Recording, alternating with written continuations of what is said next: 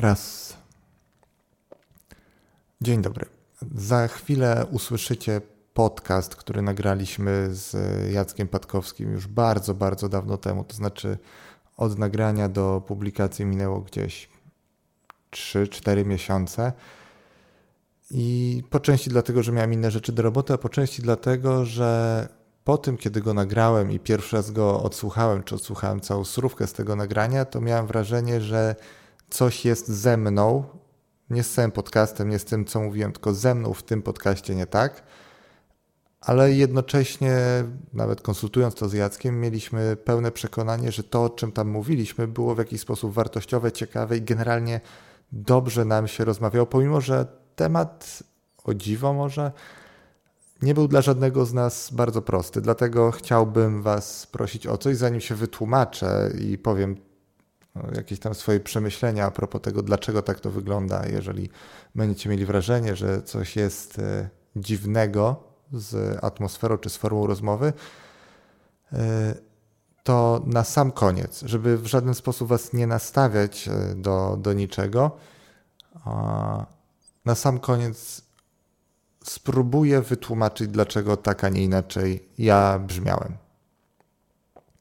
Dlatego, jeżeli zdecydujecie w pewnym momencie, że nie, dobra, mam tego dosyć, to rozważcie chociaż przewinięcie na koniec, bo od momentu, kiedy klasnę, będę mówił przez, czy będę mówił, będziemy rozmawiać z Jackiem przez godzinę 8 minut i 27 sekund. Ci, którzy oglądają to na YouTubie, e, sekcje komentarzy poznają po tym, że kolory nagle zrobią się zupełnie odwrócone. No to w zasadzie tyle tytułem przydługiego wstępu. Za chwilę zaczyna się zasadniczy materiał i ja jeszcze wracam, mówiąc ja, mam na myśli Dawid ze stycznia 2019 roku, na sam koniec. A teraz cofamy się do, uwaga, uwaga, września 2018. Tak długo to trwało. Mam nadzieję, że będzie Wam się przyjemnie słuchało.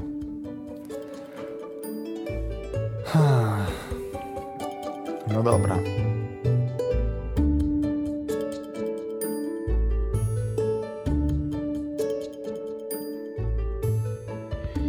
Dzień dobry, z tej strony Dawid Myśliwiec, a to, czego słuchacie, to jest wyczekiwany, okazuje się, przez niektórych podcast. Na początku podziękuję wszystkim, którzy kiedy mnie tam widzieli przez te ostatnie miesiące mówili, że podcast powinien wrócić. Bardzo mi z tego powodu miło. Niezmiernie mi jest też miło, że y, dołączyła do mnie znana już z tego formatu osoba, mój kolega, Jacek, Jacek Patkowski. Dzień dobry. E, I Jacek jest tutaj nieprzypadkowo. Mm, zaprosiłem go do siebie, dogadaliśmy się, że, że dzisiaj jest ten dzień, kiedy porozmawiamy, bo kurde, mam ból dupy. Mam ból dupy wielokrotny. Przegrałem konkurs na najlepsze wideo popularno-naukowe, w zasadzie film o autyzmie przerwa, przegrał i i dupa mnie boli z tego powodu. Drużyna koszykarska, którą sponsoruje, gra jutro mecz z drużyną, z, z, rywalem z zamiedzy i okazuje się, że rywal z zamiedzy ma drużynę w ekstraklasie, która ma 11 dni przerwy i 7 zawodników z ekstraklasy spuszcza do, do drugiej ligi i oczywiście wierzę w, w, w, chłopaków i na pewno są w stanie to wygrać, niemniej to będzie dużo trudniejsze niż normalnie, bo drużyna startu w drugiej lidze jest raczej dostarczycielem punktów, bo ogrywa tam młodzież, chyba że akurat właśnie idzie ekstraklasa, ale, ale nie o tym dzisiaj. Do brzegu. Do brzegu. E, boli mnie, kurde Jacek, dupa nad stanem polskiego szkolnictwa. Nie wiem, czy ciebie też. Domyślam się, że skoro zgodziłeś się na ten format, to nie masz do tego obojętnego podejścia. Liczę tutaj na bardzo konstruktywną e, dyskusję, komentarz tak. czy, czy pogląd. Ale ja, ja, ja to widzę tak, że, że mamy dużo rzeczy na pewno do poprawy, i widzę to im bliżej teoretycznie jest mojej obrony doktoratu. Tym bardziej się zastanawiam, co ten tytuł, co ta zamiana trzech literek na dwie przed nazwiskiem tak naprawdę we mnie zmieni. Co, co te lata studiów zmieniły i. No. W tobie tak naprawdę. Bo Jacek nie wiem, trochę... czy coś. W tobie tak naprawdę nie wiem, czy coś zmieni. Natomiast. Hmm. Czy mam problem z polską edukacją? Tak, jest sporo rzeczy do poprawy. Jest sporo rzeczy do poprawy i Myślę, że zaraz, zaraz to postaramy się przedyskutować. Czym w ogóle, w ogóle tak? Mm, mamy tutaj przed sobą na tablicy wypisane tak e, punkt po punkcie, żeby nie było, że podróżujemy po omacku e, dla Was, bo to jest jednak przygotowany troszeczkę format. Rozmowa jest swobodna, ale jednak format jest taki. Próbujemy, żeby był przemyślany. I na początku chcielibyśmy się pochylić nad tym, o czym w zasadzie będziemy rozmawiać. Bo ja tutaj zapowiedziałem, że my będziemy rozmawiać o edukacji, o nauce, o tym, jak się uczyć, czy się uczyć, w jaki sposób się uczyć, jak to wszystko łączyć z, z karierą zawodową. I czy jest sens się uczyć? Tak. Znaczy w takim formacie, jaki jest nam proponowany, bo mm. myślę, że zgodzimy się tutaj nawet bez głosowania, że uczenie się jest ważne. Tak, to w ogóle to nie, to nie podlega chyba żadnej dyskusji. To, to nie podlega dyskusji, natomiast y, czy trzeba to robić tak, jak nam proponują różne systemy, w tym polski system edukacji? Czy można to zrobić inaczej, lepiej? Czy można to zrobić inaczej, lepiej? W ogóle, y, o, co, my, co my tutaj mamy dzisiaj do czynienia, jeżeli chodzi o e, edukację? Jak ty rozumiesz edukację? Czym jest system edukacji dla ciebie i o czym, o czym ty myślałeś, kiedy zastanawiałeś się nad tym, co, co wyląduje w takim odcinku dzisiaj? Czym jest edukacja? No, zespołem wiedzy, którą powinniśmy, czy powinniśmy, zespołem wiedzy, którą, jakąś ilością wiedzy, którą staramy się posiąść, nabyć w sposób nam, y, no jednak jakby na to nie patrzeć, w pewien sposób narzucony. Teraz narzucone masz na myśli, że jest jakiś system, który mówi, tak, że, że tego po, to, tak, to, powinniśmy umieć, że tak? to powinniśmy umieć. No i teraz to się zaczyna oczywiście od edukacji y, w szkole podstawowej. Powiedzmy, że edukację przedszkolną, umówmy się, edukację przedszkolną tutaj zostawiamy. Ty mów, ja cię słucham, tylko skorzystam z tego, że mam komputer przed sobą, sprawdzę, co słownik języka polskiego rozumie przez edukację. Tak z ciekawości. Mhm. To jest zawsze dobry punkt wyjścia. Y, zaczynamy od edukacji w szkole podstawowej, poprzez później szkołę ponadpodstawową, jakaby to nie była szkoła. I myślę, że zakończymy tutaj na edukacji w tak zwanych szkołach wyższych. Tak? Y, I teraz y, ja nie widzę, co ty tam wyświetlasz sobie w tym momencie na ekranie. No właśnie, bo tu mi trzy słowa wyskoczyły. Y, I teraz ja bym powiedział, że edukacja to jest jakiś tam właśnie ilość, ilość wiedzy, którą, którą staramy się przyswoić, która jest nam wpajana w pewien sposób narzucona przez dany system edukacji, dany program I jak wiemy, oczywiście te programy też się zmieniają. Ja to, ja to widzę tak, możliwe, że się mylę. No zdecydowanie się tutaj z Tobą zgodzę. Nie wiem, czy słownik języka polskiego się zgadza, ale słownik języka polskiego jako edukację wymienia wykształcenie, wychowanie, naukę. Mhm. E, I dlaczego, dlaczego na, te, na tablicy znalazł się ten punkt naszej? Bo e, na początku chcieliśmy przy Was oczywiście ustalić, drodzy słuchacze, że mówiąc dzisiaj o edukacji, o nauce, o wykształceniu, wychowaniu, uwzględniamy w tym wszystko, co nam oferuje polski system y, w, w, za darmo. Mamy w Polsce darmową edukację. Czy to jest dobrze? No to, to, no to może być ciekawe, do czego tak, dojdziemy. Tak. Mam nadzieję, że do czegoś dojdziemy. Mhm. Ale ta edukacja jest darmowa, w związku z tym y, traktujemy ją całościowo. Czyli możemy y, chwalić albo ganić podstawówki. Gimnazja jeszcze są? E, ostatni rok. Czyli trzecie klasy jeszcze tak, są. Tak, trzecie klasy teraz kończą, a w przyszłym roku już nie.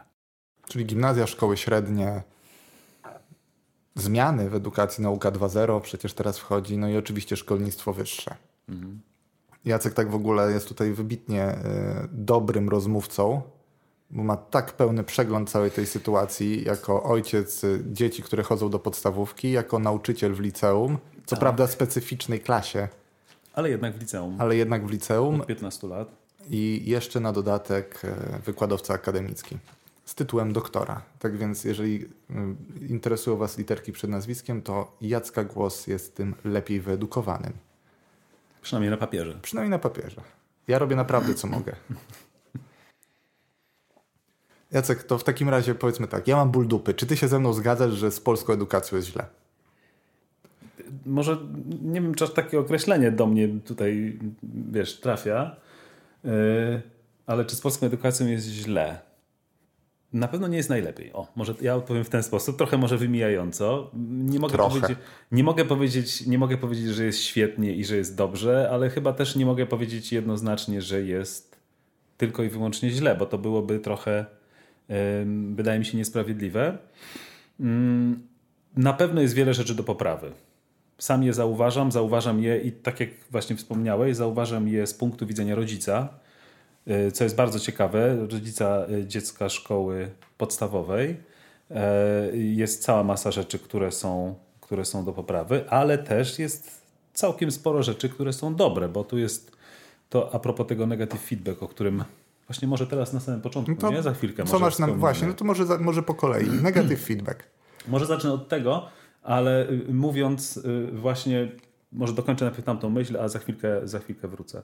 E, po pierwsze, jako rodzic widzę dużo rzeczy, które są dobre i które są do poprawy w szkole podstawowej. Jako nauczyciel w szkole średniej, dość specyficznej jednak, zarówno klasie, jak i szkole, bo jest to najlepsza, a przynajmniej jedna z najlepszych szkół w Lublinie, także mamy w pewien sposób no już przesianych tych uczniów, powiem nieładnie. E, I widzę też, jak wygląda edukacja z poziomu akademickiego, z poziomu nauczyciela y, y, akademickiego, i tam też widzę E, parę rzeczy, które widzę rzeczy, które są dobre i widzę rzeczy, które są, które są do poprawy. Dlaczego wspomniałem o tym negative feedback? To tutaj pozwolę sobie na taką malutką dygresję. Znaczy może na początek wyjaśnij, co rozumiesz poprzez negative feedback. No właśnie już mówię. Otóż, otóż kilka lat temu, nie chcę powiedzieć dokładnie ile, bo, bo po prostu nie pamiętam, miałem uczennicę w szkole średniej. Tutaj Iga, jeżeli słuchasz, serdecznie cię pozdrawiam. I ona przyjechała do Polski z Kanady. Ona przyjechała do Polski z Kanady w wieku lat tych 15-16, tak jak mniej więcej rozpoczynała szkołę średnią. E, I była, ona była urodzona w Polsce, później wyjechali, e, jej rodzina wyjechała do Kanady, w związku z tym ona praktycznie całe swoje życie e, spędziła w Kanadzie i też właśnie w tamtejszym systemie edukacji, bo do tego zmierzam. No i później przyjechała do, do Lublina i akurat trafiła do, do mojej klasy. I mniej więcej po dwóch, trzech miesiącach E, nauki e, w, w klasie. Ja pytam jej, słuchaj, no jak ci się podoba w Polsce, jak ci się podoba w polskiej szkole? I ona mówi, że jest bardzo fajnie. Podług kanadyjskiej szkoły widzi, że jest bardzo wysoki poziom, że jest, są duże wymagania stawiane przed uczniami i naprawdę mnóstwo pozytywnych rzeczy powiedziała, ale tutaj zawieszam głos. Nie jest w stanie znieść jednej rzeczy, właśnie tego takiego tak zwanego negative feedback, czyli o czym mówię, że w momencie, kiedy nauczyciel oddaje sprawdzian, to mówi: OK, napisaliście sprawdzian, y, są takie i takie oceny, to było źle, tam to było źle, śmam to było źle i o wam to było źle.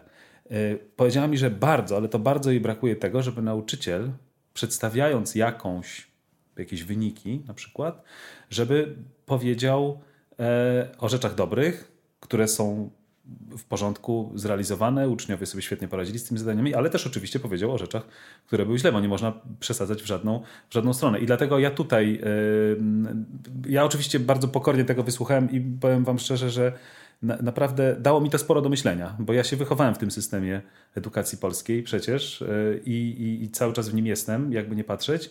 I no, bije się w piersi, że to się, no, to się zdarza, to się zauważa, to się, tak się robi po prostu, tak, no bo może nie wiem, może tacy jesteśmy.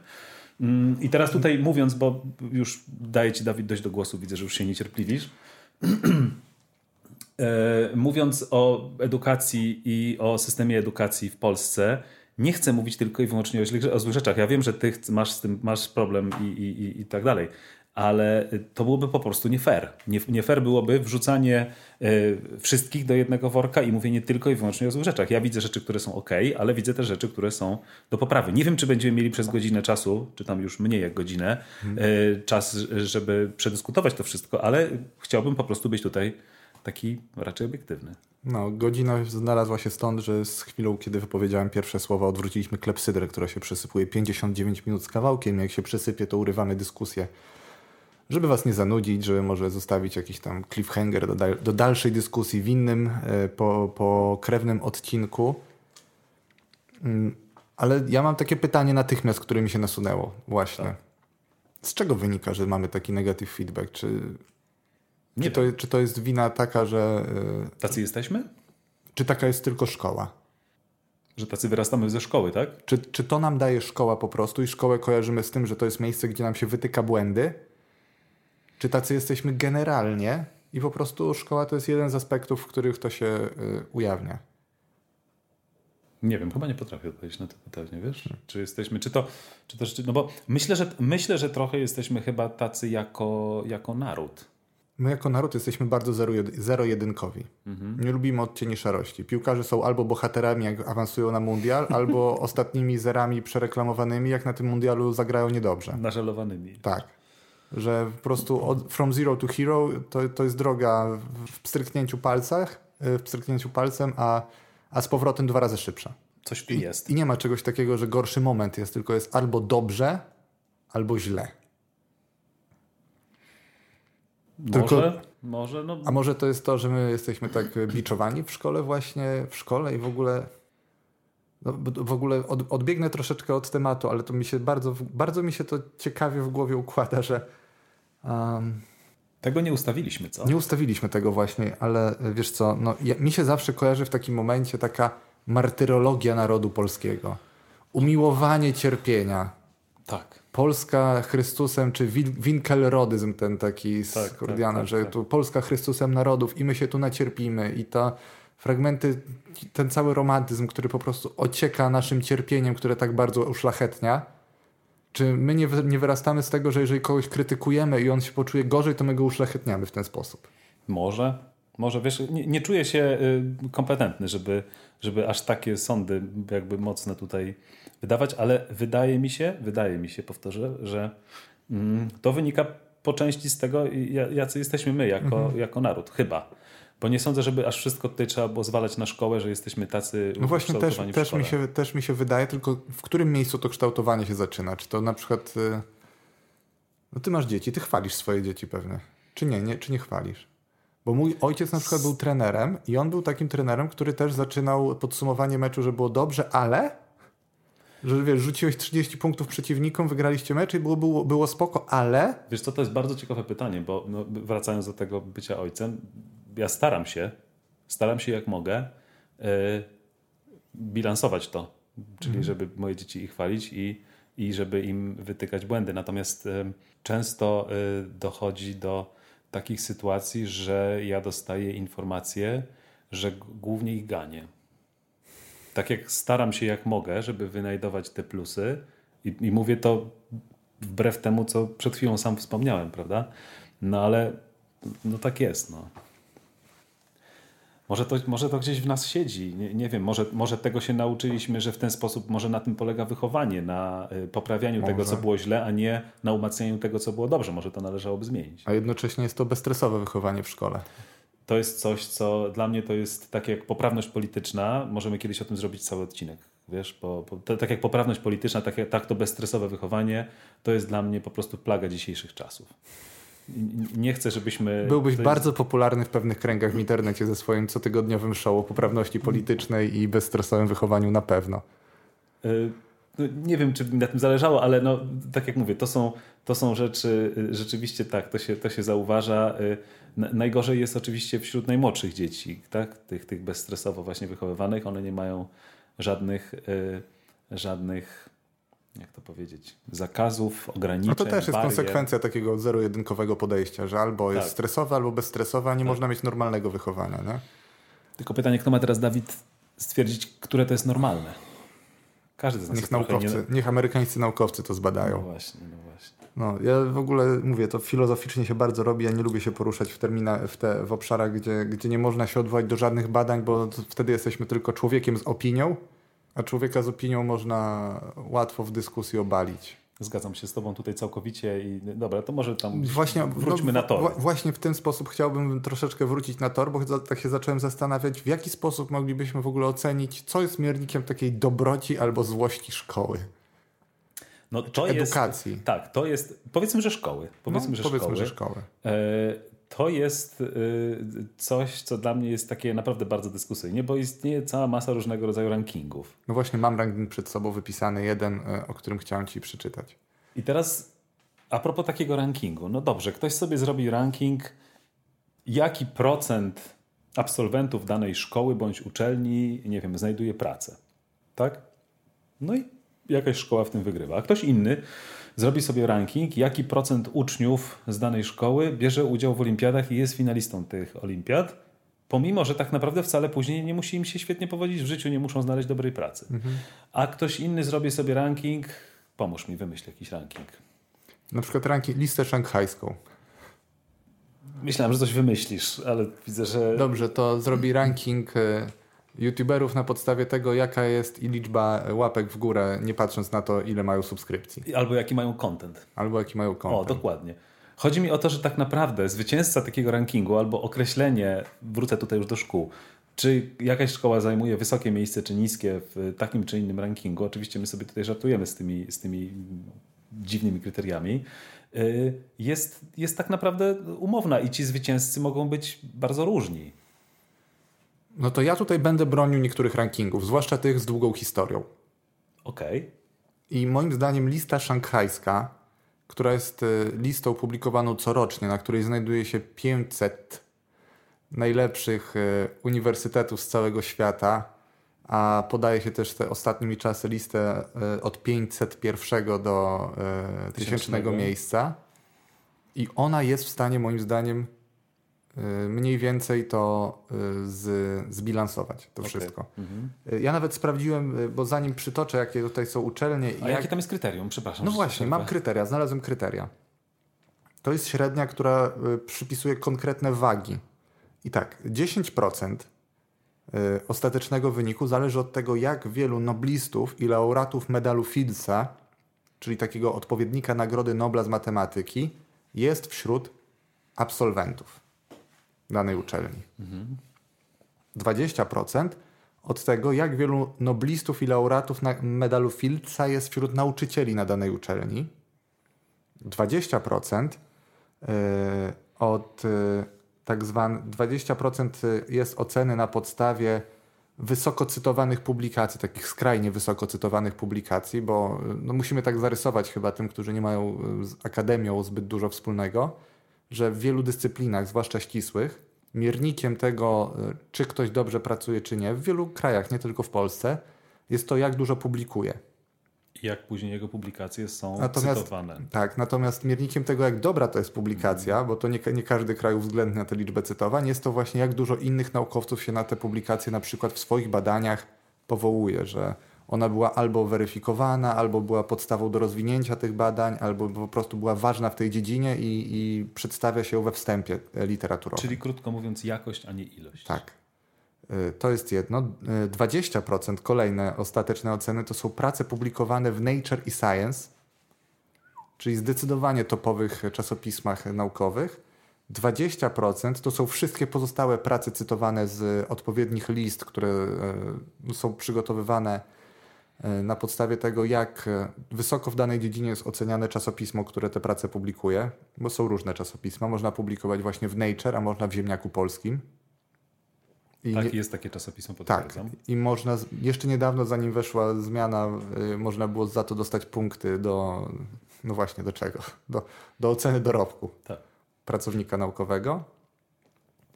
I 10% jest coś, czego nie udało mi się tak do końca rozszyfrować, to jest tak zwane per capita performance of an institution.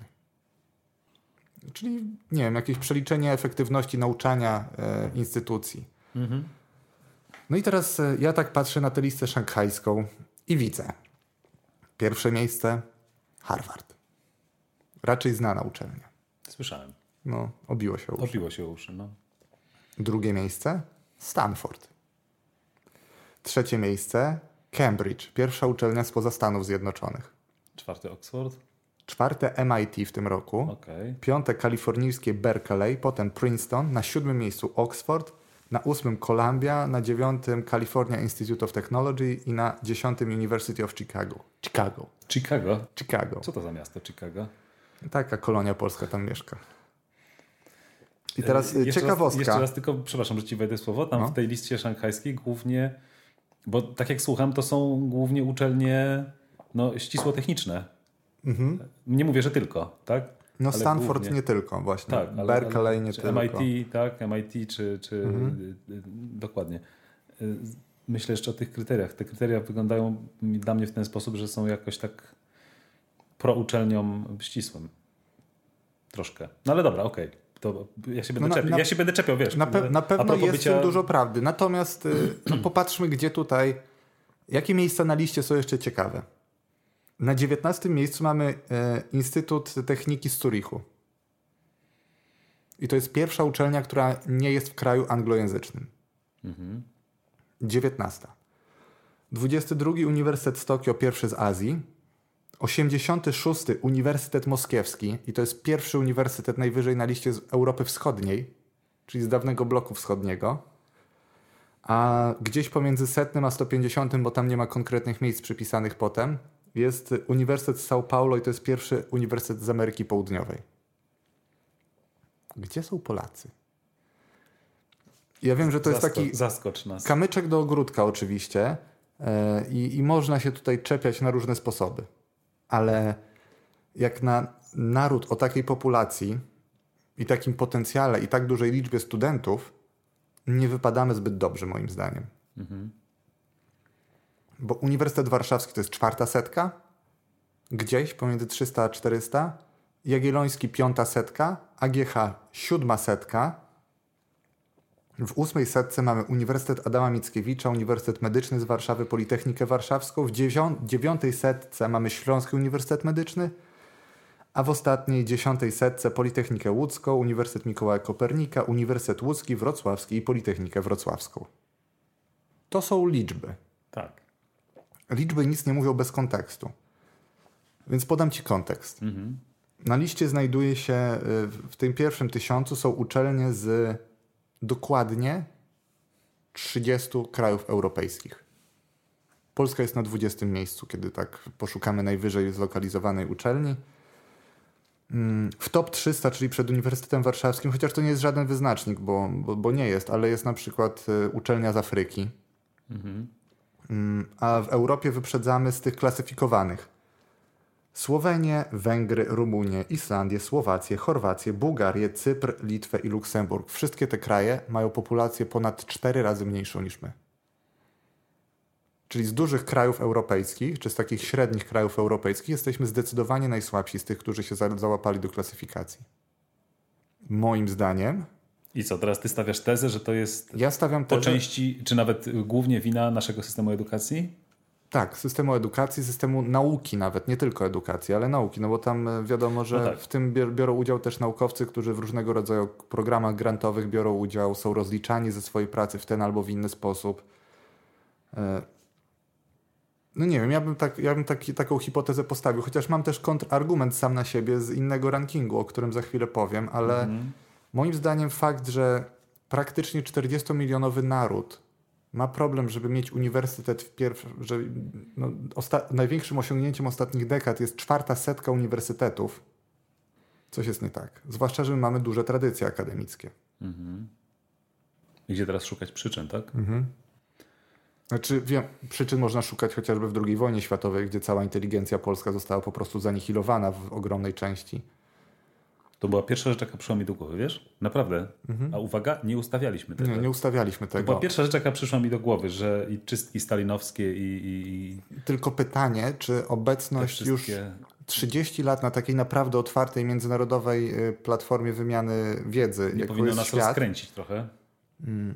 Z ludźmi, którzy naprawdę chcieli chodzić na studia jeszcze niedawno. Teraz ten odsetek maleje, ale ciągle jest moim zdaniem za duży. To będzie clue w ogóle tego mojego bólu dupy dzisiaj. E, I jeszcze wcześniej przecież współpraca, no fakt, Rosja ma swoje takie wpadki, jak na przykład e, wymyślenie łysenkizmu, czy, czy odwrócenie się od ewolucji. W Polsce też było tak, że do 50 któregoś roku nie można było nauczać ewolucji, bo Stalin powiedział, że on nie wierzy. Mhm. I my po prostu, no jak towarzysz nie wierzy, to i my nie będziemy. Myślę, że nie mieliśmy wyjścia. No nie mieliśmy wyjścia, ale Naprawdę. powiedzmy, że tak od lat 70. już te uczelnie nie są tak mocno izolowane, mhm. E, a od lat 90. minęło już prawie 30 lat, Jacek. No. I, I my ciągle jesteśmy tam, gdzie byliśmy, tak może naprawdę. może finanse? E, to też jest ciekawe, też to sprawdziłem, szczerze mówiąc, bo e, porównałem sobie, już szukam te, tej statystyki. Polska bo, przeznacza na edukację na to... w 2016 roku 4,9% swojego PKB. Okej. Okay. Ale ile to jest, wiesz? No tak, ale nie, no nie możemy jednak e, właśnie w ten sposób troszeczkę patrzeć, bo no, ze Stanami dokładnie tyle samo co Stany, czy Stany też 4,9, tylko to są inne wartości no bezwzględnie. No to być w tym samym miejscu co oni, co? E, tak, ale na przykład e, Singapur, który uznaje się ma jeden z najlepszych systemów edukacji wielu... wielu tak, tak, tak on przeznacza tylko 3% swojego PKB, czyli to jest już zauważalnie. Ale jakie mają PKB, Dawid? No wiem, że, że mają większe PKB, dużo większe PKB, bo byłem w Singapurze i naprawdę aż się im zazdrości, jak tam się widzi, co się dzieje. W ogóle, jeżeli ktoś się wybiera do Singapuru i nie pojedzie do zoo, to przegrał życie. Tak, opowiadał mi N razy. Także E, Pewnie no. są odcinki na ten temat. Tak? Nie, nie ma. Są Nie jakieś ma. przebitki tam kiedyś z zoo, ale, Okej, okej. ale dla mnie to na przykład jest jeden z mierników, który chciałem tu przytoczyć. I drugi miernik, który tak jakby mi bardzo ładnie współgra oczywiście z moją wizją tego wszystkiego. Jako, y, można to tak streścić, że mamy w czym rzeźbić, ale robimy to tak, jakbyśmy chcieli wyrzeźbić trzy rzeźby naraz. To jest mój, y, mój pogląd na polską edukację, bo to nie jest tak, że my nie mamy zdolnej młodzieży, której się chce, tylko To oni są prawda. wrzucani w taki mnóstwo. system, który Mhm. jest bardzo chaotyczny i wymaga różnych rzeczy, żeby robić karierę, różnych rzeczy, żeby robić dobre publikacje w takim absolutnie międzynarodowo i jeszcze innych rzeczy, żeby utrzymać się na uczelni, już pomijając nawet karierę uczelnianą, taką stricte rozwój e, naukowy. I to jest tak, jakby Michałowi Aniołowi e, ktoś postawił trzy modelki i kazał wyrzeźbić tylko jedną rzeźbę finalnie przedstawiającą jedną postać. Mhm. To nawet jeżeli będzie miał najlepszy marmur i narzędzia, e, po- podążając za trzema przepisami, to może z tego wyjść coś bardzo gargantuicznego. Nasz system miejscami jest gargantuiczny, jest przerost administracji, y, jest takie bardzo niesprecyzowanie, że z jednej strony chcemy, żeby wszyscy publikowali w Nature, ale jak ktoś zajrzy do Nature, to tam są publikacje zespołów 5, 10, 20 osobowych, a w Polsce jest też jednocześnie ciśnienie na to, żeby każdy miał Żeby samodzielne prace. Publikacje samodzielne, tak. Kurde, nie da się. Nie da się zrobić dobrej publikacji na światowym poziomie samemu. Nie. A na pewno nie badawczej. Może jakiś Chyba, teoretyk. że się zapomni o całej reszcie zespołu i przypisze się wszystkie zasługi Chyba, że, sobie. chyba, że to właśnie w ten sposób, że potraktuje się wszystkich pozostałych jako wyrobników, którzy po to przyszli na świat, co by nam nie służyć. No Tak. ale jeżeli mamy być uczciwi, to tak się naprawdę nie da. Mhm. To najwybitniejsza jednostka, te romantyczne czasy, że ktoś mógł sam zrobić przewrot w nauce, to już naprawdę są za nami. Teraz przewroty w nauce robią zespoły, które mają 10 tysięcy osób, jak na przykład w CERNie. Mhm. No i właśnie a propos CERNu. y, Drugim takim wskaźnikiem dla mnie, który pokazuje, pokazywałby potencjał tego wszystkiego, jest to, ilu noblistów mamy w Polsce. No, ty zadałeś mi to pytanie. Ty, ty Mhm. mnie pytasz, czy rzucasz w eter? Rzucam weter, niech każdy się zastanowi. Ja tylko powiem, że jeżeli zajrzycie na Wikipedię, to okaże się, że jesteśmy 13 w rankingu z 14 noblistami. Myślę, że wszyscy pamiętają o Marii. Tak, Maria Curie Skłodowska, czy Skłodowska-Curie, dwie nagrody Nobla. Tak, myślę, że dużo osób będzie pamiętać Wisławę Szymborską, Miłosza, pewnie Miłosza, pewnie Reymonta, pewnie Lecha Wałęsę. tak. Chociaż niektórzy na- nazywają go inaczej dzisiaj. Zostawmy. Na pewno zostawmy. Yy, I czekaj, co jeszcze? No, dokąd Sienkiewicz? zmierzasz? Właśnie. Sienkiewicz. Sienkiewicz jeszcze.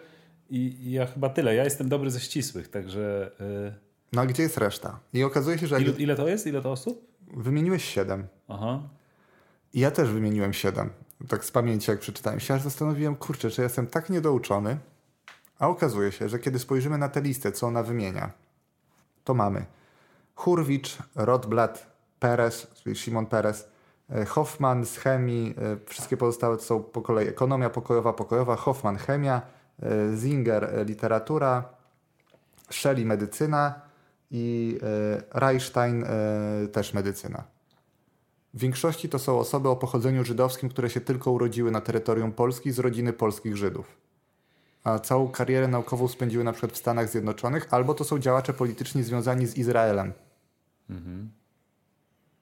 Ale są urodzeni w Polsce i mieli dalej, w momencie otrzymywania Nagrody mieli, yy, Nagrody Nobla, mieli obywatelstwo polskie, czy Szczerze mówiąc- po prostu byli tylko urodzeni? Szczerze mówiąc nie wiem, ale jak się spojrzy na ich wpisy bibliograficzne w internecie, to jest na przykład polsko-ukraiński Aha. Żyd. Okej, okej.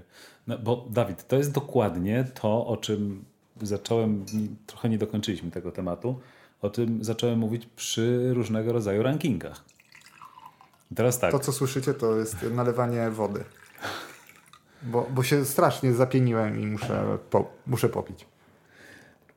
e, różnego rodzaju rankingi, bo teraz tak, to jest ranking, który tam skąd wziąłeś, tak? Z Wikipedii?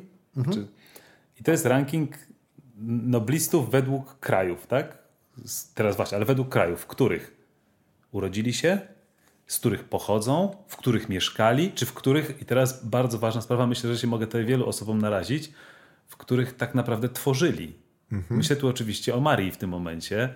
Mówię to jako chemik i wszyscy mówimy, że polska noblistka i e, wszystko świetnie, dwie nagrody Nobla, jedyna kobieta w historii. Kurczę, ale ona to wszystko zrobiła w Paryżu. Ona to wszystko zrobiła we Francji. Ona wszystko to zrobiła y, poza Polską. Oczywiście urodzona w Polsce, początek edukacji w Polsce. No to teraz to ona jest nasza czy francuska, ta nagroda?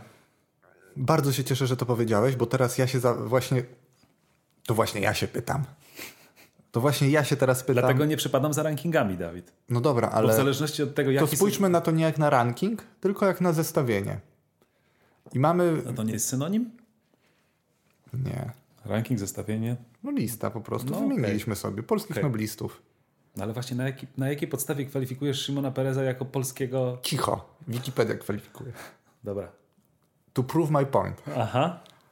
Ilu z nich przeszło przez polski system edukacji? Można powiedzieć, że to polski system edukacji zaowocował Nagrodą Nobla. I pomijam oczywiście fakt, że Maria przechodziła przez ten system edukacji jeszcze pod zaborami i Polski tak, tak, naprawdę, naprawdę nie, było, nie, było, I teoretycznie no można powiedzieć, że ona jest y, carską noblistką, bo Polski nie było na mapie, kiedy ona zdobywała Nagrodę Nobla. Urodzona... Ja bym się upierał, że jest bardziej francuską noblistką. Urod... Tak, ale no. no. widzisz, no, to ile, ilu. Jeżeli już, jeżeli jest, już. Jest nas dwóch i mamy trzy opinie, idealnie. idealnie. Wikipedia mówi, że Polska, y, Wszyscy pewnie powiedzą, że Polska, ale mamy podstawy, żeby na przykład powiedzieć, że jest rosyjska, bo się urodziła na terytorium carskiej Rosji. Carskiej Rosji. Tak.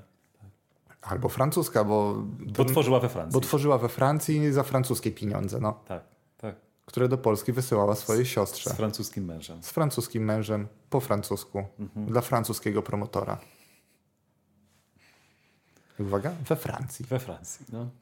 Pytanie, czy fakt, że właśnie na różnych etapach, jeżeli ktoś przechodził przez polski system edukacji, to nie dostawał nagrody Nobla z, z, z, za nauki ścisłe. Czy to nie znaczy, że jest tutaj jakiś pies pogrzebany, jakiś problem? Ja bym tutaj, Dawid, trochę wrócił do tych pieniędzy, bo tak jak sam doskonale wiesz, nauki ścisłe to są takie nauki, które bez dużych nakładów finansowych albo znacznych nakładów finansowych, no nie bardzo mają możliwość na rozwinięcie się. Yy, I może to częściowo, nie mówię, że to jest jedyny powód. Nie hmm. mówię, że to jest jedyny powód parę rzeczy przychodzi mi do głowy, ale nie wiem, czy one byłyby jakby zasadne. Natomiast pierwsza rzecz, jaka przychodzi mi do głowy, to są te pieniądze, wiesz? Czy, czy jednak my przez lata, bo mówisz oczywiście o latach, mhm. nie? Edukacji i y, nau nauki polskiej, tu łączymy te dwie rzeczy, jednak te nagrody Nobla się nie pojawiały, czy to nie było po prostu kwestia tego, że nas nie było na to stać? że byliśmy ciągle teraz. Ja jestem słaby z historii, ja to chyba już mówiłem raz. No, ale, ale... inaczej. Dlaczego w takim no razie właśnie. nie ma kogoś, kto skończył w Polsce studia, pojechał za granicę i tam, gdzie są pieniądze w jakimś instytucie przez te wszystkie lata nie zdobył Nagrody Nobla, ale tak, żeby przeszedł przez polski system edukacji? Ale było całe mnóstwo takich chyba naukowców, co? Którzy w Polsce zaczynali i pojechali i zrobili karierę. Nie mówię, że zrobili no ale wiesz, no tutaj nazwiskami, nie? Bo, bo są, są, oczywiście, no są. Jest całe mnóstwo takich na naukowców, nazwijmy to naszych, którzy u nas skończyli edukację, skończyli studia, mieli świetną wiedzę, ale nazwijmy to tak, nie mogli rozwinąć skrzydeł i pojechali za granicę. Tak, tylko dlaczego jeszcze nikt z nich nie dostał Nobla? Może nie mieli szczęścia, może dlatego, że dzisiaj Noble dostaje się zespołowe, Dawid? No, teraz, nie chcę, teraz, mi do, teraz mi do głowy właśnie wpadło, że inna sprawa, że tak naprawdę wolny wyjazd to jest dopiero od 30 lat i może za 20 lat będę mógł podnieść ten argument, że może, że to pokolenie, które miało, y, był, skończyło studia powiedzmy w latach 90., no to oni teraz mają po 50 lat, nobliści teraz są po 60 bardzo często, to jeszcze trzeba troszeczkę poczekać może. No tak, bo no tak, dobra, jest dobra. opóźnieniem troszkę przyznawany. Prawda? Bije się w pierś tutaj, że troszeczkę zbyt pochopnie wyciągnąłem te działa. Zastanawiam się jeszcze nad jedną Ale jak rzeczą, wrócimy czy, do tej rozmowy trochę... za 30 lat, e, to, to myślę, że jeżeli, jeżeli to się nie zmienia, bardzo bym, chciał, bardzo bym chciał zobaczyć polskiego noblistę. Naprawdę bardzo bym chciał. To nie jest tak, że ja jestem jakimś takim e, rzucającym e, mięsem gościem z trybun, który, któremu nie poszło i dlatego wylewa wiadro pomyj. Ja jestem całkiem zadowolony z tego, jak się moja kariera zawodowa obecnie potoczyła. e, ale jednocześnie wiem, że w polskim systemie edukacji jest cała masa ludzi, którym się strasznie chce, którzy mają do tego ogromną pasję i boli mnie po prostu widzieć to, że albo muszą opuszczać kraj, żeby się realizować, albo muszą zmieniać to podejście, bo inaczej mogą mieć problem z awansem zawodowym, mhm. z utrzymaniem się na uczelni. Że gdzieś ta taka pasja znika, że jak spojrzymy w nagrody, dobra, inny argument, a co, antynoble, jedna, Polacy poczekaj, dostali poczekaj, dwa antynoble. Jedna, jedna, rzecz, Dawid, bo wcześniej yy, próbowałem gdzieś tam się przebić. Mhm. Ale dlaczego akurat Nobel? Dlaczego Nobel według ciebie jest no to medal i niepodważany? Jest to na pewno nagroda niezwykle prestiżowa i nagroda niezwykle miarodajna. Prawda? To tutaj się obydwaj się chyba zgodzimy co do tego. Ale czy nie należałoby się zastanowić, bo tutaj, wiecie, wygląda to trochę w ten sposób, że y, Dawid y, najeżdża na tą biedną polską edukację i naukę, a ja jako przedstawiciel jej bronię wcale nie chcę, żeby to tak wyglądało, ale mhm. staram się tutaj być po prostu obiektywny. Dlaczego jedynym wyznacznikiem Dawid ma być Nagroda Nobla? Dlaczego y, nie spojrzymy na sukcesy inne? Y, Bo to jest chyba najbardziej wymierna oznaka wspięcia się na szczyt w jakiejś dziedzinie. Ja, ja bym przy tym jednak obstawia, obstawał. Y, do, dopuszczam do siebie, że mogę się mylić, ale po prostu ale się nie mylę. Nie, pewnie się mylę. Pewnie się już parę razy tutaj pomyliłem w swoich ocenach y, i naprawdę bardzo bym chciał zobaczyć, tylko wiesz... To ja się y, zgadzam z tobą całkowicie. Ja robię, też, ja robię też, zobaczyć polskiego noblista. Ja robię popularno-naukowe wykłady też. Tak. I bardzo często takim rozluźniaczem na tym wykładzie jest jakieś wspomnienie o antynoblach. Mhm. Polacy nie dostają też antynobli.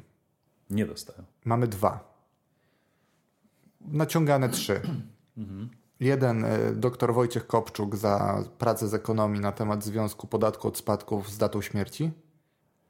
E, jeden dla zespołu profesora Topola, chyba Ernesta Topola. Nie, mam nadzieję, że nie przekręciłem za to, że e, opublikował on pracę, która miała 962 autorów i tych autorów było ponad 100 razy więcej niż wynosiła liczba stron zasadniczej pracy. I mamy nagrodę dla irlandzkiej. A o czym była ta praca? Nie mam pojęcia. Okej. Okay i mamy pracę e, z Irlandii, gdzie tamtejsza dziennikarka odkryła, że najbardziej poszukiwanym przestępcą drogowym e, na tej wyspie jest człowiek o imieniu prawo nazwisku jazdy.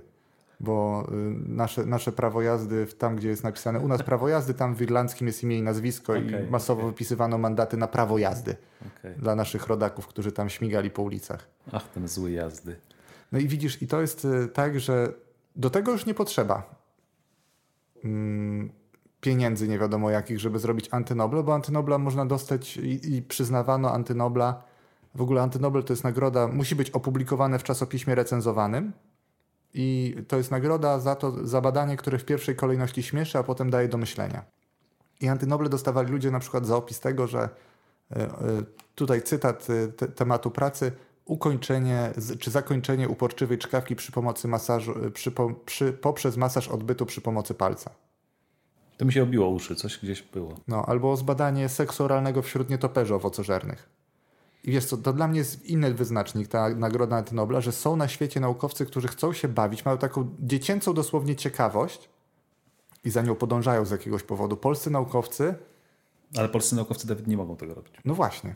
Polscy naukowcy nie mogą tego robić, dlatego o. że. O, to, to chciałem usłyszeć. To, to może do tego tak na okrętkę dążyłem, że mamy system, który jest sztywny. Polscy naukowcy nie mogą tego robić z bardzo prostej przyczyny, bo jesteśmy oceniani za ilość i jakość publikacji głównie.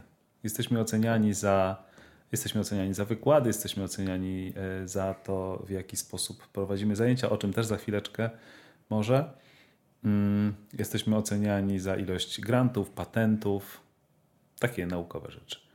Natomiast jesteśmy przede wszystkim oceniani za ilość publikacji i za ich jakość. I jeżeli teraz naukowiec przez określony przez jakiś okres czasu nie opublikuje badań, e, albo nie uda mu się opublikować jakiejś publikacji, no to oczywiście ma zero punktów. Jak ma zero punktów, to ma negatywną ocenę. Jak ma negatywną ocenę, to Oczywiście ja to bardzo mocno mhm. upraszczam, mhm. bo to nie jest tak, że to jest po jednej ocenie i ten, jeżeli ma negatywną ocenę, no to oczywiście uczelnia się z nim żegna. I to jest z jednej strony bardzo zasadne, bo jakiś sposób y, na ocenę jakości tego pracownika powinien być, ale z drugiej strony, patrząc na, na tę sytuację, y, nie opłaca się robić rzeczy, które byłyby może fajne, może ciekawe, y, ale nie wiemy tak naprawdę, co się tam okaże, bo nie ma czegoś takiego jak negatywne publikacje. No. Nie, nie mogę opublikować rzeczy, które... To jest akurat problem nauki w ogóle. To jest problem nauki w ogóle. I teraz chodzi o coś takiego. Mam Negatywna teraz, publikacja teraz... to znaczy e, nie wyszło mi to. Nie wyszło mi to i teraz opublikuję i spróbuję wyjaśnić dlaczego. I teraz problem tutaj polega tak naprawdę na tym, że naukowiec staje przed... Yy... Co, znowu się pisz? Znowu co? plułem jadem.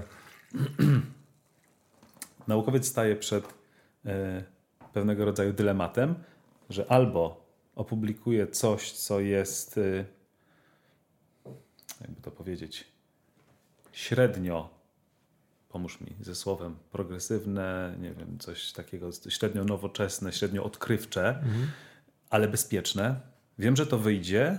Nie jest to może najlepsza nauka na, y, na świecie, y, ale to wyjdzie i, i da się to opublikować. Bądź mogę z drugiej strony pójść w bank, zaryzykować z czymś, zrobić coś naprawdę szalonego i ciekawego. Mówię tutaj a propos tych, tych mhm. antynobli.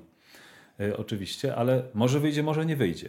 No tylko, że w momencie, kiedy nie wyjdzie i na przykład robiłem to przez dosyć długi okres czasu, to później nie mam się czym pochwalić. Nie mam się czym pochwalić i i możesz mieć problem z mogę utrzymaniem mieć, pracy. Mogę mieć problem z utrzymaniem pracy. Także pracy, jest... która tak na marginesie też jest chyba nawet mocniej niedofinansowana, niedoceniona y, niż cała nauka w ogóle. To z tej całej nauki chyba najbardziej niedofinansowani są nauczyciele akademicy i naukowcy tego, nie chcę użyć tutaj, to nie w obraźliwym znaczeniu powiem, ale najniższego szczebla.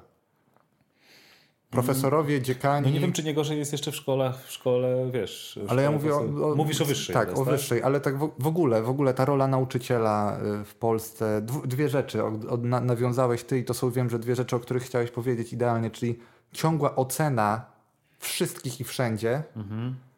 I jeszcze ten taki niedofinansowany nauczyciel, który nie ma odpowiedniego szacunku w społeczeństwie, bo bo pośród ludzi, którzy mają do tego pasję, są ludzie, którzy po prostu poszli tam, bo nie chcieli iść do McDonalda. Po prostu nie mogli znaleźć innej pracy. No to jest, to jest strasznie gruby temat, który tutaj zaczepiłeś, bo, bo ja patrzę na to... Od, oddaję ci głos po prostu, bo ty to widzisz tak dużo bardziej od środka. Masz dzieci, które pewnie będą zaraz pisały test w podstawówce. Ja patrzę na to z punktu widzenia y, właśnie, tak jak już wspomniałem, jakby nauczyciela na różnych, na różnych poziomach tej naszej, naszej edukacji i co można zaobserwować? Można zaobserwować, no ja nie uczę tylko w szkole podstawowej. Mm podziwiam wszystkich nauczycieli, którzy chcą pracować w szkole podstawowej ze względu na e, po prostu jakby poziom hałasu, poziom braku możliwości, brak możliwości skupienia się dzieci i jedno, naprawdę podziwiam wszystkich nauczycieli w szkole podstawowej, którzy, którzy, chcą tam, e, którzy chcą tam pracować. Ale e, wracając, zarówno jako nauczyciel akademicki i myślę, że Dawid tutaj się ze mną zgodzi, obserwowaliśmy przez kilka lat pracy razem na uczelni no jednak poziom studentów jest... No ja mogę powiedzieć tak, ja w dupie, w dupie byłem, gówno widziałem, tak le lecąc bardzo brzydkim, ale jednak klasykiem. No brzydkim. E, cztery lata widziałem studentów i naprawdę różnica rok do roku była zauważalna. Jak sobie po, mógłbym porównać wyniki kolokwium, gdzie bardzo podobne pytania były nieidentyczne, bo my nie dajemy identycznych pytań z tak. radiochemii, tak, tak. ale były bardzo podobne, to wyniki po prostu były kolosalne, kolosalny rozstrzał, jeżeli chodzi o średnią. Tak. Te osoby, które były najlepsze, trzymały poziom, mhm. ale średnia leciała. Średnia leci, tak. I teraz ja się zacząłem zastanawiać, skąd to się bierze. Oczywiście tych przyczyn jest cała masa, tej obniżający się y, poziom studentów. Winą jest brak logarytmów z matematyki, na przykład w liceum, z całym szacunkiem, ale. W IB jest są logarytmy. No i, na, i bardzo dobrze. Bardzo kurde dobrze. Powinny bardzo. być wszędzie logarytmy. Tak. Kto, każdy, kto może, powinien też chociaż liznąć pochodną. Ja, widzę to tak. Y, skąd ten coraz niższy poziom studentów się, y, się bierze? Zacząłbym naprawdę, naprawdę od dołu. Zacząłbym od tego, że nauczyciele za mało zarabiają. Nauczyciele za mało zarabiają i jest nawet coś, to już o tym wspomniałeś, że jak y, jakby takie potoczne podejście, że jeżeli ktoś pracuje w szkole, no to już jest takim, przepraszam za wyrażenie, nieudacznikiem, mhm. że nigdzie indziej nie mógł znaleźć tej pracy, to już poszedł do szkoły. No a mi się wydaje, że to powinno być całkiem odwrotnie. Osoby, które uczą nasze dzieci, osoby, które e, przekazują wiedzę, to powinna być, to powinna być elita. Zawód nauczyciela, tak jak zawód na przykład zawód lekarza, zawód prawnika to jest coś, co jest, ma dosyć wysoki prestiż społeczny.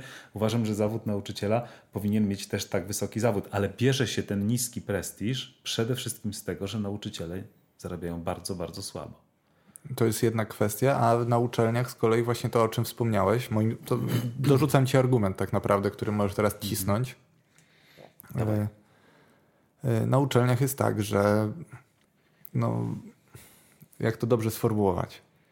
Nie wynagradza się tych, którzy chcą nauczyć studentów. O tak. Bo bardzo często ocena dydaktyczna polega na tym, żeby dobre, dobrze ankiety poszły, które wypełniają studenci, a, nad, a zajęcia były po prostu zrealizowane. Mm. No, I w związku z tym można też przyzwyczaić całą rzeszę studentów, którzy nie powinni studiować, do tego, że prędzej czy później oni y, dostaną albo zaliczenie, albo będą mieli łatwiejszą poprawkę i tak dalej, i tak dalej. Tak. Drugą rzeczą, jaką tutaj chciałbym dorzucić do tego obniżającego się poziomu, jaką zauważam, to jest moim zdaniem po pierwsze zmieniające się programy, y, ale przede wszystkim te programy są przeładowane ilością materiału i ten biedny nauczyciel y, mający, a jednocześnie ilość godzin na dany przedmiot jest ciągle zmniejszana. I teraz ten nauczyciel ma coraz więcej materiału, a coraz mniej godzin. No i teraz jak on ma to zrobić? Jak on ma tym dzieciom, to uczniom y, wytłumaczyć, kiedy ma to zrobić? A jeszcze ma je przygotować do konkretnego testu. Właśnie. I trzecia rzecz, i trzecia rzecz, którą bym tutaj właśnie dołożył, to to, że jest mocny nacisk na. Y, ale to jest tak naprawdę też nauczyciele dopasowują się tutaj do systemu, bo system jest taki, że na koniec y, uczniowie są oceniani głównie przy pomocy testów i uczniowie zamiast nabywać umiejętności, to uczą się rozwiązywać zadania. Uczą się rozwiązywać Dokładnie. testy. No i później niestety widzę, że mamy tego tego efekty. Młodzież mamy bardzo zdolną, mamy całe mnóstwo, bo teraz chcę powiedzieć też o tych dobrych rzeczach, obiecałem, że będę mówić też o dobrych. Mamy bardzo zdolne dzieci. Im niżej jesteśmy na poziomie edukacji, tym te dzieci są bardziej chętne i to jak się do nich podejdzie, to jak nauczyciel zechce ich zainteresować danym przedmiotem, to naprawdę będzie y, skutkowało w przyszłości. E, mamy całe mnóstwo fantastycznych nauczycieli, pomimo że są tak, no delikatnie mówiąc, niezbyt dobrze y, y, opłacani, to oni to są ludzie z pasją i oni naprawdę chcą coś zrobić. I oni, tylko że no po prostu Wiesz, niestety rzeczy do, nie da się zrobić. Niestety wtrąciłbym ci się tutaj i powiedziałbym, że oni są z pasją do czasu. Bo w pewnym momencie za coś trzeba wykarmić swoje dzieci, żonę, tak, i później okazuje się, że ten nauczyciel musi na przykład pracować w dwóch szkołach, tak. I wtedy, żeby, żeby związać koniec z końcem. I wtedy a pasja się rozwadnia. Tak, a skoro pracuje w dwóch szkołach, to po prostu fizycznie nie ma siły, Finlandia. nie ma czasu. Przykład z Finlandii. Dawaj. E, w Finlandii, żeby zostać nauczycielem, trzeba mieć studia wyższe, trzeba przejść specjalny proces, który przechodzi tam 15-20% nauczycieli. I w Finlandii nauczyciele mają właśnie ten prestiż społeczny porównywalny z lekarzami, Fiński system jest oceniany na jeden z pięciu najlepszych na świecie, bardzo często w, w, różnych rankingach jest na pierwszym miejscu. Dzieci piszą jeden test przez całą swoją edukację, dopiero w szkole średniej. Dopiero w szkole średniej można im zadawać pracę domową. Y, naczelnym e, celem tego systemu jest, y, żeby nie zostawiać nikogo z tyłu, czyli zadbać o to, żeby wszyscy opanowali podstawy. Już pomijam, że na przykład dzieci mogą po imieniu mówić do nauczyciela.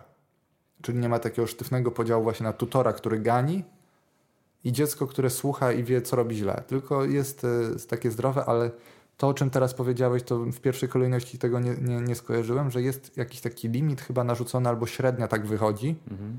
Że w Finlandii nauczyciel każdego dnia uczy dzieci przez 4 godziny i ma obowiązek, żeby w weekend jeszcze 2 godziny w szkole mu zorganizować jakieś doszkalające kursy. Ale to są 4 godziny dziennie. A ile oni mają noblistów? Oni mają chyba 5 noblistów. Bo wiesz, do czego zmierzam teraz? Czy to, że yy, tak jak ty twierdzisz, że system edukacji w Finlandii jest, no słyszę nawet po twoim tonie, to ci się podoba? Nie wiem, czy mi się podoba. Tak, ja to tak odbieram, że raczej pozytywnie oni ale, Na pewno mówisz, że jest inny niż u nas, ale mówisz, że ci się podoba. Mówię czy o tym, że mi się będzie, podoba to, że czy to będzie teraz te... skutkować, wiesz, większą ilością yy, noblistów, czy wiesz, wyższym, wyższym poziomem później, nie? Inna sprawa, że wydajnością takiego e, systemu to nie, nie, nie tylko nobliści, bo my patrzymy tak pod kątem naukowym, ale też o tym chyba chciałeś wspomnieć, że e, w sumie z edukacji nie trzeba wyjść z magistrem, to, to ja bardzo chciałem wspomnieć, ale równie dobrze, jeżeli ktoś jest, e, jeżeli ktoś się nie nadaje do, do skończenia liceum ogólnokształcącego, to niech on idzie do technikum. Niech on idzie do szkoły zawodowej. Jeżeli nie da rady technikum, to niech pójdzie do szkoły zawodowej. Zgadzam się tutaj. Ja się zgadzam tutaj cał, całkowicie, bo ewidentnie mamy teraz coś takiego, I, i to kolei... że wszyscy muszą pójść na studia, tak. albo większość, i większość musi te studia y, skończyć. Jednocześnie uczelnia też musi się z czegoś utrzymać. Y, mamy niż demograficzny, y, w związku z tym... A uczelnia ma płatno od studenta w obecnym systemie. Tak jest. I, I to jest pewnego rodzaju takie błędne koło, bo jeżeli będziemy wypuszczać słabych absolwentów, to... No ale my będzie... przyjmujemy na studia wszystkich, co zdadzą maturę no teraz, no, na, wie, na, wielu kierunkach. Ile tam teraz matma jest, żeby zdać? 30%. Szkoda, że nie widzicie naszych min. No. Obydwu. Y, ja jeszcze, jeżeli można, a propos, jak już mówimy o studiach. Ja czy... tylko dorzucę, Dobra. że na przykład w Singapurze, który też jest zawsze w tym top 5 mm. systemów edukacji, jest tak, że nauczyciel po prostu tam no, w Azji to jest tak, że tam się zażyna dzieci edukacją bardzo często. To jest w drugą stronę przeginka. Tak. W Korei jest dramat, tam chyba do 22 dzieci siedzą. Tak, czasami. Cały, ja niedawno byłem w Korei i to było tak powiedziane, że jeżeli dziecko uczy się mniej niż 10 godzin dziennie, to uważa się, że ono jest albo bardzo zdolne i nie potrzebuje, albo zostaje z tyłu właśnie. No ale Korea dzięki temu biznesowo jest tam, gdzie jest, czy finansowo bo ten cud nad rzeką Han był dzięki temu możliwy. Natomiast w Singapurze jest tak, że nauczyciel mówi ci na pewnym etapie, nie nadajesz się do na przykład dalszego liceum ogólnokształcącego, ale widzieliśmy u ciebie zacięcie do techniki. O, to mi się Pro, podo- proponujemy, ci, proponujemy ci alternatywy, al, sugerujemy ci, żebyś na przykład pomyślał nad zmianą szkoły w przyszłym roku. Tak. I tam nie ma takiego ostracyzmu, że, że ktoś na przykład kończy szkołę dwa lata później, bo zmieniał. Tylko on ma inny tryb. Jest bardzo dużo takich ścieżek prowadzenia kariery. U nas to też jest tak jakby zmiana podstawów... mentalności, tak, nie? U nas jest podstawówka, gimnazjum, liceum, studia. I to jest tak bardzo mainstreamowe. No właśnie. To można by zmienić. O tutaj, tu tutaj po...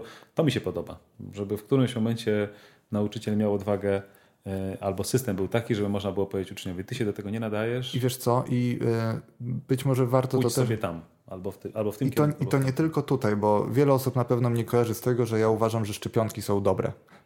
Nie zaczynaj znowu tego, Dawid. Nie, ale chodzi mi o to, że na przykład. burza. Wiem, że będzie burza, ale y, ja nie mówię tego, że musimy się szczepić tak, jak nam ktoś powie, tylko ja mówię, że musimy się szczepić. To jest co innego.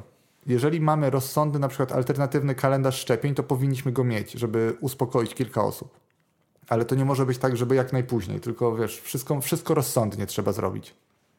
Y, czas nam się kończy. Wiem i właśnie przechodzimy do głównego, do epicentrum bólu dupy. Miałem jedną rzecz jeszcze. Dobra Jacek, to, y, dobra, to ty się zmieść, zaczniemy to epicentrum bólu dupy, skończymy. Ja szybciutko tylko, jeżeli można, y, jak już mówimy o studiach i sensie studiowania i o różnych ścieżkach kariery, czy można to zakończyć, czy, to, czy można zakończyć na innym etapie, czy koniecznie trzeba na te studia iść, to ja chciałem przytoczyć, że taki pan, który nazywa się na przykład Bill Gates, rzucił Harvard taki pan, który nazywa się Paul Allen, który razem z Billem Gatesem założył Microsoft, rzucił Harvard i założyli firmę Microsoft. Gdzie ta firma jest dzisiaj, wiemy. Y, czego ci panowie się dorobili i co osiągnęli, też wiemy. Pan, który nazywał się Walt Disney, nie miał wykształcenia. Pan, który się nazywał Henry Ford, również nie miał wykształcenia. Steve Jobs nie ukończył studiów. Coco Chanel, James Cameron, czy cała masa innych nazwisk. Także ja chciałem tutaj żeby nie przedłużać za bardzo, mhm. powiedzieć jedną rzecz, żeby osiągnąć sukces, czym ten sukces by nie był, niekoniecznie musimy iść tą utartą ścieżką edukacji, niekoniecznie musimy akurat kończyć studia i y, wpaść w ten kierat. Tak. Ale to jest raczej taki przykład, że można inaczej, a nie, że trzeba inaczej. Zgadzam że się, edukacja tak. jest ważna, rozwój jest ważny, bardzo, ale trzeba bardzo. dopasować, e, bo Bill Gates tak naprawdę wyprzedzał to, co informatyki mógł się nauczyć prawdopodobnie na Harvardzie w pewnych kwestiach i dlatego zrezygnował, bo on mhm. widział swój potencjał w czymś, y, co on już umiał. Mhm. Czyli nauczył się tyle, ile potrzebował. I to nie jest. Y, my nie mówimy tutaj, że trzeba rzucić naukę i robić coś. Nie, nie, nie, absolutnie. Ja tylko nauczyć się tyle, ile potrzebujemy, a sposobów jest wiele. Bo można przez praktykę. Można tak? powiedzieć, można przez praktykę. To jest taki i dobry, i zły przykład, bo może, może, może on być tak odebrany, a rzucisz studia, odniesiesz sukces. Nie. Oczywiście nie mówimy tutaj, nie, nie, wymieniam nazwisk ludzi, którzy rzucili studia i Właśnie. zostali z niczym, wiadomo. Tak, ale jeżeli widzisz, że to ten kierunek, w którym idziesz, nie da ci tego, co byś chciał w życiu robić, to to zmieni. I dokładnie trafiamy w epicentrum mojego bólu dupy. Ostatnie ziarenka piasku spadają, zaczynamy temat i kończymy potem wszystko. Szanowni Państwo, bo bardzo często piszecie do mnie, czy iść na studia takie, na jakie studia byś poszedł, gdzie pójść na jakieś studia, bo ja bym chciał robić to, to albo tamto. Ja takim osobom bardzo rzadko odpisuję, bo nie wiem, ale wiem jedno. W obecnych czasach w Polsce, jak rzuci się kamieniem na ulicy, to się trafi w magistra prędzej niż w chodnik. Tak to mniej więcej wygląda. Jest moda na kończenie studiów wyższych ta moda robi nam, mówiąc nam, mam na myśli autentycznie wszystkim nam krzywdę. I teraz kilka argumentów dlaczego. Jakbyś Jacek miał coś do dodania albo do skontrowania, to, to po, powiedz. I, I, jaki wydźwięk w ogóle tego, te, te, tej mojej wypowiedzi teraz, którą zaczynam, będzie? Mhm. Jeżeli nie czujesz, że studia ci coś dają, rzuć te studia. Nie mówię w ogóle studia, ale jeżeli czujesz, że po prostu jesteś na siłę na jakichś studiach i one ci nie dają tego, co byś chciał z nich uzyskać, masz prawo oczekiwać czegoś innego i masz prawo być z tego niezadowolony czy niezadowolona, masz prawo spróbować to osiągnąć w inny sposób, a nie za wszelką cenę w nadziei, że dyplom jakiejś uczelni załatwi pracę. Bo ja ostatnio usłyszałem historię o tym, że absolwent mojej uczelni, który też jest magistrem, e, nie był w stanie po chemii, czyli tym samym kierunku, który ja skończyłem, policzyć stężenia procentowego na rozmowie o pracę. Serio? Tak. I był przekonany, że ponieważ poszedł do pracy, to on się wszystkiego w pracy go nauczą. I teraz, jeżeli mamy taki system, w którym y, ja idę na studia, bo y, moja mama zna Grażynę i Grażyna ma syna, który też jest na studiach i moja mama oczekuje, że ja też pójdę na studia, to robię krzywdę. No, Jacek, wtrąć się. Ja chciałem się wtrącić, że dzisiaj, szanowni państwo, mamy przede wszystkim rynek pracy umiejętności, a nie papierów. Oczywiście papiery też są ważne. Papiery, dyplomy to jest jakiś tam przepustka i pierwszy, pierwszy etap Właśnie ewentualnie. W systemach takich państwowych papiery. Tak, natomiast... W natomiast systemach, gdzie są większe pieniądze, umiejętności.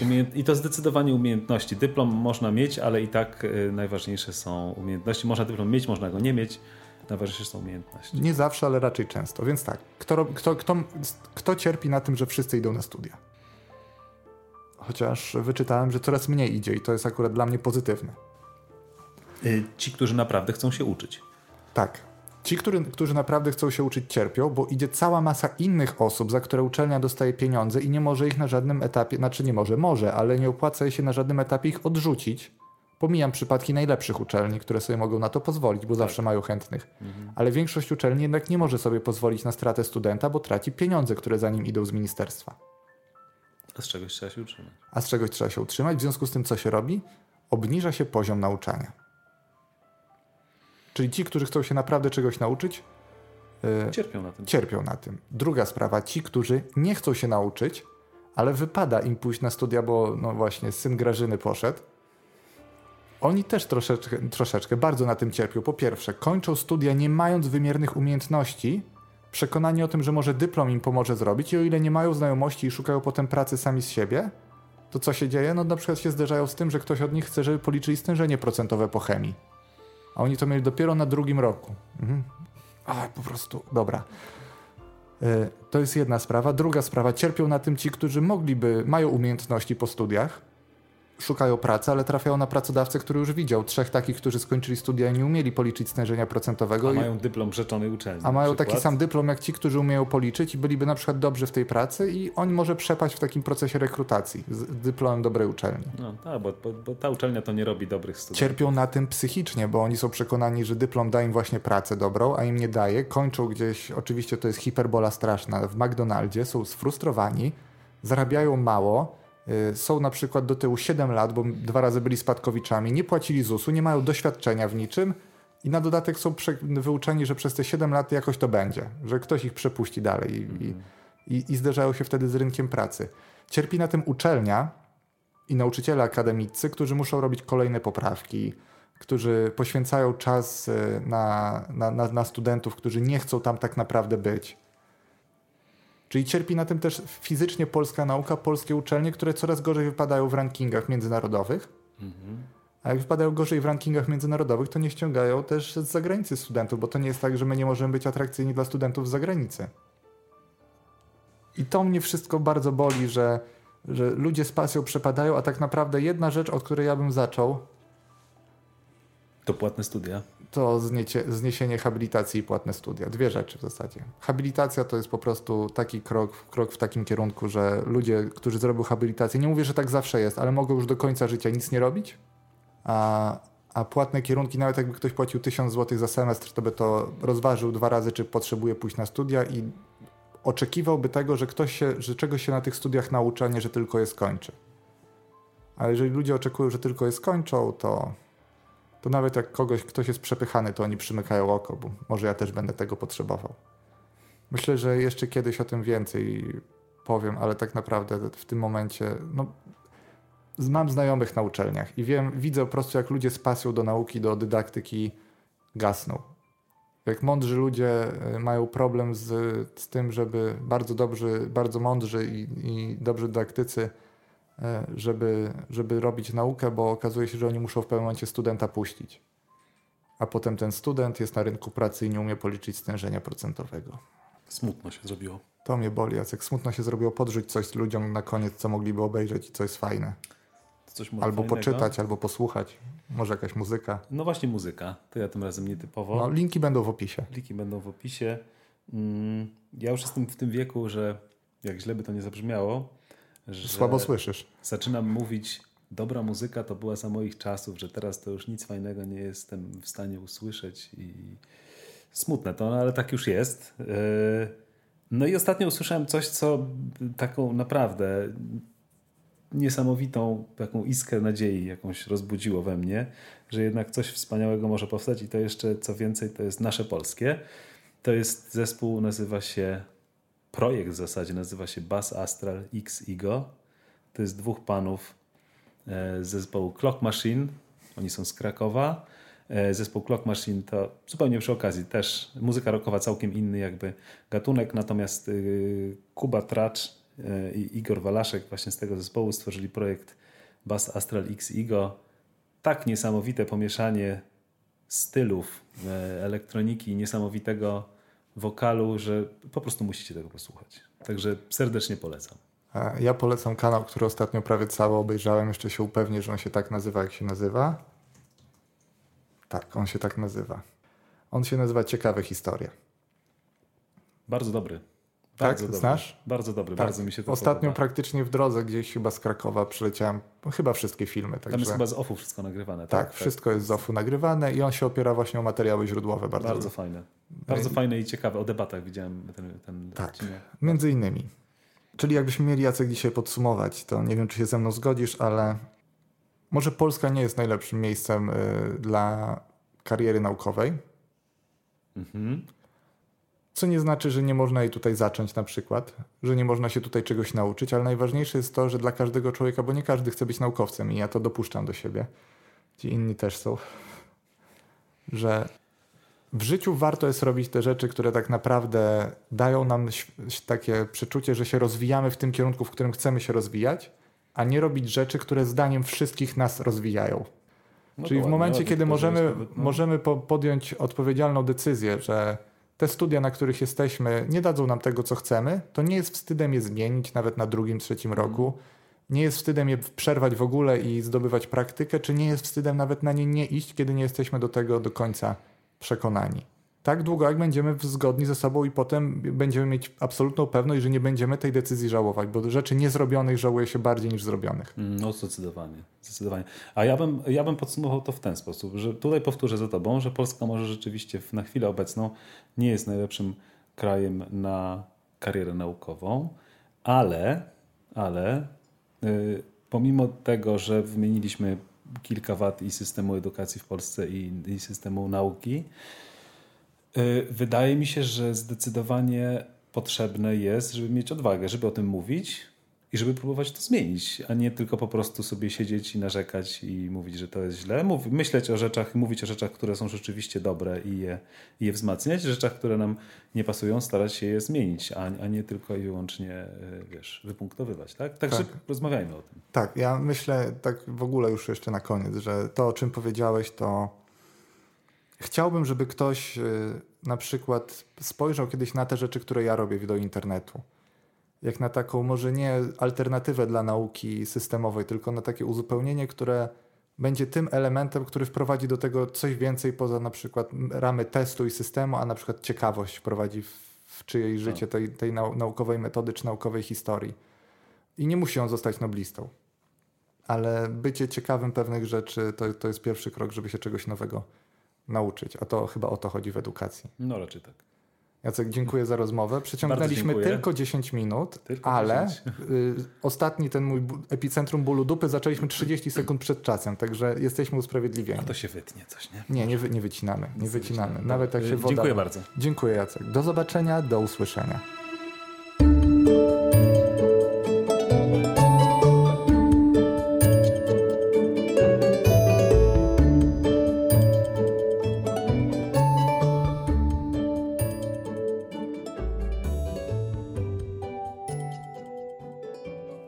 Zgodnie z obietnicą wracam na koniec po to, żeby wytłumaczyć, e, spróbować wytłumaczyć, dlaczego tak, a nie inaczej brzmiałem w tym e, podcaście, w tej rozmowie, bo mam wrażenie, że byłem bardzo, bardzo zgorzkniały. Dużo bardziej niż powinienem być i w pewnym momencie nawet e, zachowywałem się tak jako gospodarz, zwłaszcza rozmowy, bo tak troszeczkę to wygląda niekulturalnie, bo koniecznie chciałem, żeby wydźwięk jakiegoś segmentu był bardziej negatywny niż na przykład Jacek za tym był. Byłem dosyć zamknięty na jakąś dyskusję, pomimo że bardzo chciałbym, żeby ten format zawierał dużo dyskusji.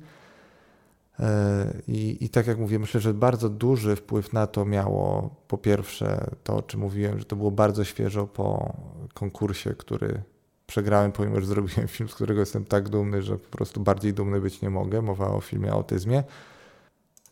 No i po drugie, dzisiaj jestem bogatszy o jedno takie dosyć mocno zmieniające moje spojrzenie na edukację doświadczenia, mianowicie takie, że istnieją takie wydarzenia czy takie czynniki, które są bardzo blisko systemu, może niekoniecznie są systemowe, a które doskonałą robotę temu systemowi mogą wyrządzić. E, I to jest na przykład e, coś, w czym brałem udział dosłownie kilka dni po nagraniu podcastu, mianowicie Gdynia Explore Week, czy finał konkursu Explory, który pokazał mi, jak bardzo, mówiąc tak młodzieżowo, nie, zajawieni nauką potrafią być młodzi ludzie w Polsce i jak bardzo zaawansowane projekty są w stanie tworzyć we współpracy z uczelniami wyższymi. I, I właśnie ten nacisk na to, że to uczelnie wyższe, to instytucje naukowe są otwarte w jakiś sposób na e, inicjatywę bardzo młodych osób e, jest pocieszający i mam nadzieję, że to będzie trend, w kierunku którego ten system będzie się zmieniał, będzie ewoluował i, i to spojrzenie naprawdę, taka jedna rzecz sprawiła, że e, takie moje malkontenckie podejście do, do, do całej tej narracji byłoby prawdopodobnie dosłownie dwa tygodnie później zupełnie inne niemniej no, nie będę ukrywał, że ciągle nie jest lepiej. Jeżeli chodzi o system edukacji w ciągu tych trzech miesięcy, nagrywam te słowa w momencie, kiedy trwa strajk nauczycieli i okazuje się, że e, rozmawialiśmy nawet tutaj o, o tych niskich płacach i tak dalej, i tak dalej, więc wydaje mi się, że to jest temat, do którego bym wrócił, ale y, przede wszystkim, no, tak jak wspomniałem, to co może nawet po trzecie powiem, że ten podcast troszeczkę naciągnąłem do formy jakiegoś wyrzucenia z siebie wszystkich złych przemyśleń, które miałem. I, i to było niepotrzebne dla, dla jakości tej rozmowy, która mogłaby być dużo lepsza, gdyby moje podejście było jakieś takie bardziej wyważone i mam wrażenie, że dzisiaj byłoby wyważone. Niemniej yy, nie mam ochoty, Jacek też nie ma ochoty, pozwolił mi to powiedzieć, żeby nagrywać to jeszcze raz, żeby to jakoś ustawiać. Zostawiliśmy to tak, jak jest yy, i i pozwalam sobie na taką troszeczkę, nie wiem, usprawiedliwienie, skoro mówiliśmy o szkole, czy może spowiedź na sam koniec. E, miejscami przeginałem, wiem, zdaję sobie sprawę, postaram się nie robić tego w przyszłości. E, jednocześnie wyrzuciłem weter bardzo du dużo złych przemyśleń, które miałem w głowie i, Jeżeli wrócimy do tego tematu, to istnieje duża szansa na to, że, e, że będę w stanie na, na, na pewne kwestie spojrzeć z większą wyrozumiałością i dyskutować o nich na pewno mniej tak e, agresywnie. W sensie, żeby nie było ciągle negatywnie. Dobra, bo strasznie przedłużam, przegadana godzina, tutaj pewnie zaraz do godziny 20 dobijamy. Moi drodzy, dziękuję za wysłuchanie. Dziękuję tym, którzy wytrzymali jeszcze z moim monotonnym głosem parę dodatkowych sekund tego dnia. Dajcie znać, co sądzicie. No i musi się skończyć tak, jak się zawsze kończy. Do zobaczenia, do usłyszenia.